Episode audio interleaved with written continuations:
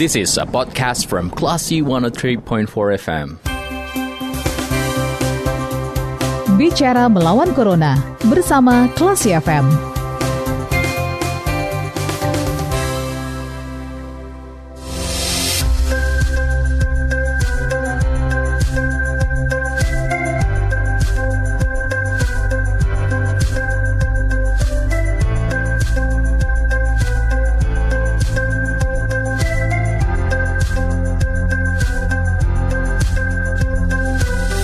103,4 kelas FM This is the Actual Radio. Selamat sore kelas people. Masih bersama saya Dita Indira. Dan saatnya Anda mencermati Bicara Melawan Corona. Kali ini kita akan berbincang bersama dengan Ketua ID Sumbar Dr. Pom Hari Satria. Kita akan bahas ya vaksin di Sumatera Barat yang sudah dimulai hari ini Dan kira-kira apa saja tes kesehatan sebelum melakukan vaksin. Kalau gitu kita sapa dulu. Assalamualaikum, selamat sore Dr. Pom Waalaikumsalam warahmatullahi wabarakatuh. Selamat sore Mbak Isa. Selamat sore uh, pemirsa kelas SM yang dirahmati Allah. Baik. Alhamdulillah ya. Alhamdulillah. Gimana kabarnya sore ini dok? Sehat ya? Alhamdulillah sehat sehat. Nah tadi nih sempat ikut vaksin ya dokter ya. Kira-kira apa yang dirasakan setelah vaksin dokter? Ya tadi sekitar jam 10 pagi di Aula Gubernur uh, Sumatera Barat. Mm-hmm. Kita mengikuti uh, perdana pemberian vaksinasi di Sumatera Barat. Saya termasuk uh, orang yang diberikan vaksinasi dan rasa syukur tentunya, mm-hmm. sebab kita memahami penyelesaian permasalahan, uh, penyelesaian tantangan pandemi COVID sekarang ini adalah uh, dua hal mendasar yaitu vaksinasi dan pengobatan. Mm-hmm protokol kesehatan menjadi langkah antisipasi sampai kita mendapatkan dua hal tersebut terpenuhi dengan uh, baik. Hmm. Nah, rasa syukur ini tentu kita jawab dengan kesiapan uh, dokter di Sumatera Barat untuk uh, menerima vaksinasi ini untuk perlindungan hmm. uh, bagi individu dan harapannya tentu nanti kepada masyarakat kita juga uh, vaksinasi menjadi salah satu solusi terbaik sekarang ini, di mana juga kita memahami uh, kondisi pandemi-pandemi dan uh, kondisi infeksi yang terjadi pada dekade-dekade sebelumnya di Indonesia dan dunia seperti uh, cacar misalnya, mm. polio itu terselesaikan permasalahannya dengan vaksinasi. Iya. Nah dokter lalu terkait dengan vaksinasi ada yang bilang um, setelah vaksinasi jadi mudah mengantuk nih dokter. Apakah dokter juga merasakan hal ini? Sampai siang ini alhamdulillah aktivitas seperti biasa. Mm -hmm. Saya alhamdulillah tidak tidak merasakan dan tidak mendapatkan keluhan yang mengganggu. Mm -hmm. Nah, artinya kalaupun ada keluhan uh, keluhan seperti yang Mbak Diva sampaikan mengantuk dan terasa demam mm. atau hal lainnya yang yeah. sifatnya uh, mengganggu aktivitas uh, rutin di dalam uh, setelah mendapatkan vaksin itu menjadi suatu kondisi yang sifatnya individual hmm. dan selagi kondisi itu tidak berdampak uh, berat dan berdampak buruk itu tidak ada satu kekhawatiran yang perlu kita kita kita ini kita jadikan ke, ke, ketakutan dalam uh, menjalani uh, proses vaksinasi dan uh, dampak ikutan dari vaksinasi. Seperti dari, juga kita, hmm. ya silakan. Iya dari dari beberapa orang yang sudah divaksin yang dokter perhatikan, kira-kira apa saja nih efek samping yang mungkin cukup dirasakan gitu ya. Namanya kita divaksin, minum obat aja ada efeknya gitu ya dokter. Nah kira-kira ya, dari yang dokter lihat uh, apa saja nih bentuk efek sampingnya setelah divaksin nih dokter? Iya, tadi saya sempat bincang-bincang dengan beberapa bapak-bapak yang mengikuti dan menerima vaksin. -hmm ada keluhan rasa nyeri di tempat vaksinasi. Saya juga merasakan ada sekitar satu jam, kemudian sudah sudah bisa hampir hilang lah sama sekali. Hmm. Ada rasa mengantuk juga tadi dirasakan oleh uh, satu orang yang menerima vaksin. Dan kemudian uh, setelah istirahat sebentar, kita menunggu uh, dampak uh, dalam waktu singkat selama selama 30 menit tadi. Hmm. Dan kemudian setelah 30 menit uh, semua yang tervaksinasi tadi itu berada pada kondisi yang alhamdulillah tidak ada uh, permasalahan uh, kesehatannya. Baik. Nah tadi kita juga dapat berita kan dokter banyak nih yang nggak bisa divaksin termasuk gubernur dan kapolda. Nah apa apa saja nih dokter kira-kira pertimbangan kesehatannya? Ya, jadi vaksinasi adalah suatu uh, usaha di mana tubuh kita membentuk uh, membentuk ini, membentuk perlindungan. Hmm. Jadi uh, pemberian uh, vaksinasi tersebut tentu uh, berada dalam kondisi yang bugar dan sehat. Setidaknya dalam kondisi-kondisi normal, tekanan darah, kondisi uh, suhu tubuh, tidak ada penyakit komorbid yang hmm. sedang tidak terkendali dengan pengobatan sekarang ini gitu.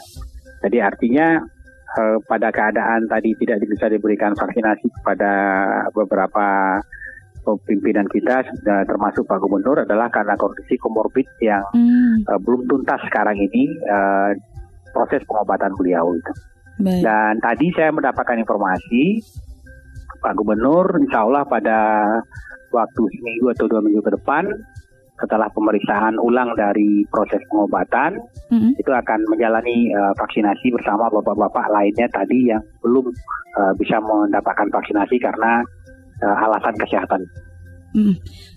Baik dokter. Lalu apa saja tes kesehatan yang dilewati sebelum melakukan vaksin dokter? Sederhana. Untuk uh, pemeriksaan awal tentu kondisi uh, vital sign yang kita sebut dengan tekanan darah, pemeriksaan hmm. tekanan darah, pemeriksaan suhu tubuh, gitu. hmm. uh, pemeriksaan uh, pernapasan dalam kondisi normal, yeah. pemeriksaan nadi, dan kemudian pemeriksaan-pemeriksaan penunjang laboratorium misalnya hmm. terhadap uh, kondisi yang telah mempunyai komorbid yang uh, dalam proses pengobatan uh, dampak dari pengobatannya jika telah signifikan, uh, kondisi tersebut akan optimal dan bisa dinyatakan bugar untuk menerima vaksin.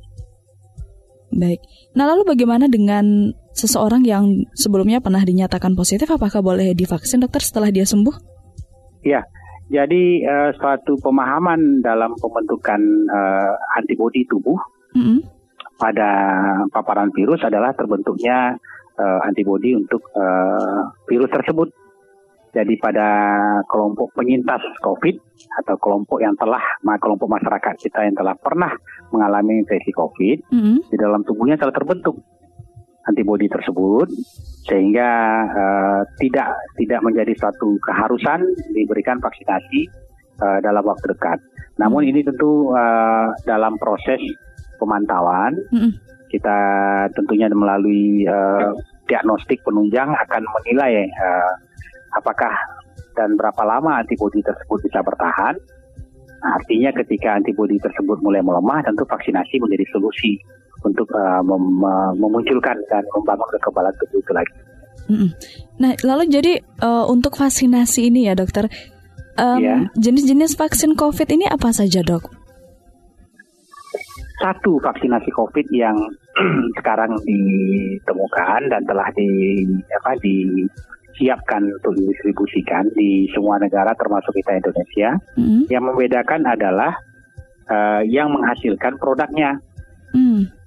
Jadi ada beberapa perusahaan-perusahaan besar farmasi yang kita yang kita ambil untuk mm. Indonesia dalam uh, pemenuhan uh, vaksinasi ini di uh, negara kita termasuk Sumatera Barat kita di Indonesia juga mempunyai uh, satu tempat uh, perusahaan, uh, tempat uh, penelitian dan uh, pembentukan serta penelitian eh, serta pembuatan vaksin yaitu Bio Farma, namun uh, masih dalam proses sekarang ini. Mm. Nah, karena ada beberapa tahapan-tahapan yang harus dipenuhi uh, untuk pemenuhan vaksin ini, vaksinasi ini dinyatakan layak nanti oleh uh, Badan POM kalau kita di Indonesia untuk bisa diberikan kepada masyarakat apa yang kita sebut dengan uji klinis gitu. Jadi vaksin yang kita manfaatkan sekarang ini adalah vaksin-vaksin yang telah selesai uji klinisnya.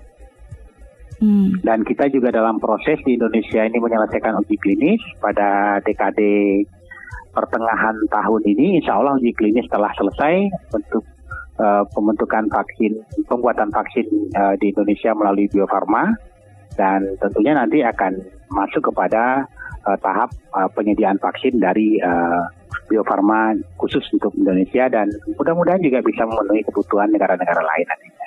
Baik. Nah, dokter selaku orang kesehatan yang dan juga sudah melakukan vaksin, nah bagaimana dokter meyakini vaksin ini tidak berbahaya, dokter?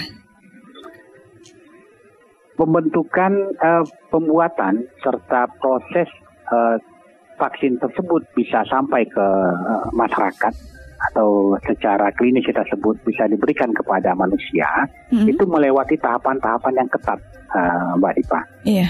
Tahapan-tahapan ketat ini terstandar sama uh, dalam aturan standar yang dibuat oleh Organisasi Kesehatan Dunia atau WHO.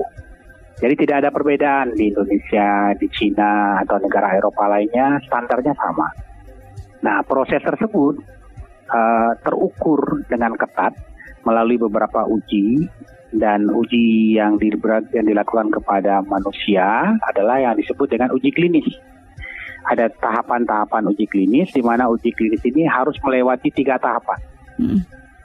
Uji klinis terhadap manusia yang telah diberikan vaksin dengan pemantauan dan uh, setelah dinyatakan selesai uji klinis, hmm. itu akan dilakukan juga suatu uh, penilaian uh, suatu, oleh lembaga yang uh, memahami dan menguasai permasalahan dampak dari vaksinasi yang dalam hal ini adalah uh, Badan POM di Indonesia dan standar yang dipakai oleh Badan POM tersebut adalah standar yang sama persis dengan standar yang ditetapkan oleh WHO.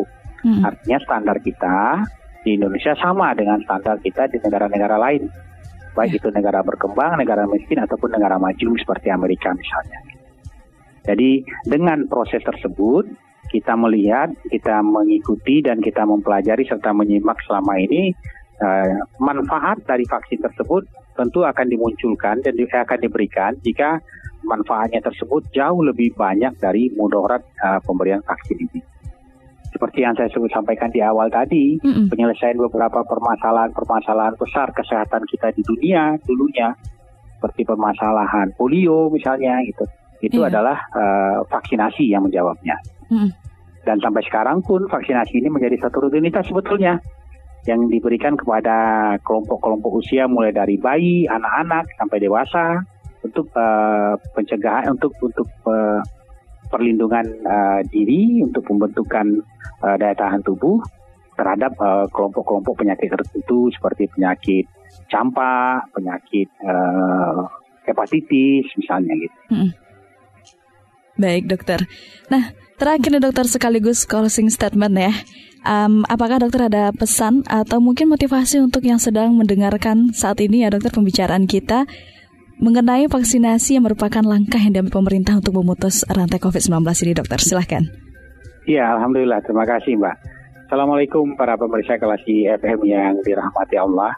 Vaksinasi menjadi solusi dari uh, tantangan kita menghadapi pandemi COVID-19 ini khususnya di Sumatera Barat. Kondisi ini akan terjawab dengan terbentuknya kekebalan tubuh uh, dari uh, virus COVID-19 ini. Kondisi vaksinasi, uh, tindakan dan pilihan vaksinasi COVID-19 tidak jauh berbeda dari apa yang telah kita terima dan kita dapatkan dan ikuti proses selama ini dalam pemberian vaksinasi-vaksinasi yang rutin dilakukan uh, kepada kelompok-kelompok usia uh, di semua lapisan masyarakat kita, khususnya di Sumatera Barat. Di Posyandu misalnya vaksinasi polio, vaksinasi campak, vaksinasi uh, hepatitis, semua itu tujuannya adalah untuk bentuk kekebalan tubuh. Jadi tidak ada beda vaksinasi yang diberikan uh, untuk COVID-19 ini juga tujuannya adalah untuk bentuk kekebalan tubuh. Dengan terbentuknya kekebalan tubuh, harapan terbaiknya nanti adalah kita tidak lagi akan terinfeksi oleh virus COVID-19 dan kalaupun terinfeksi, kita berada pada kondisi yang tidak infeksi mengalami infeksi berat karena telah telah mempunyai kekebalan tubuh terhadap uh, virus COVID-19 ini. Sehingga dengan begitu uh, kita saya atas nama Ikatan Dokter Wilayah Sumatera Barat menghimbau dan mengharapkan dan uh, mengajak partisipasi semua masyarakat, semua lapisan masyarakat kita untuk menerima vaksinasi ini sebagai salah satu solusi untuk uh, menghadapi dan menyelesaikan permasalahan pandemi kita di Sumatera Barat khususnya.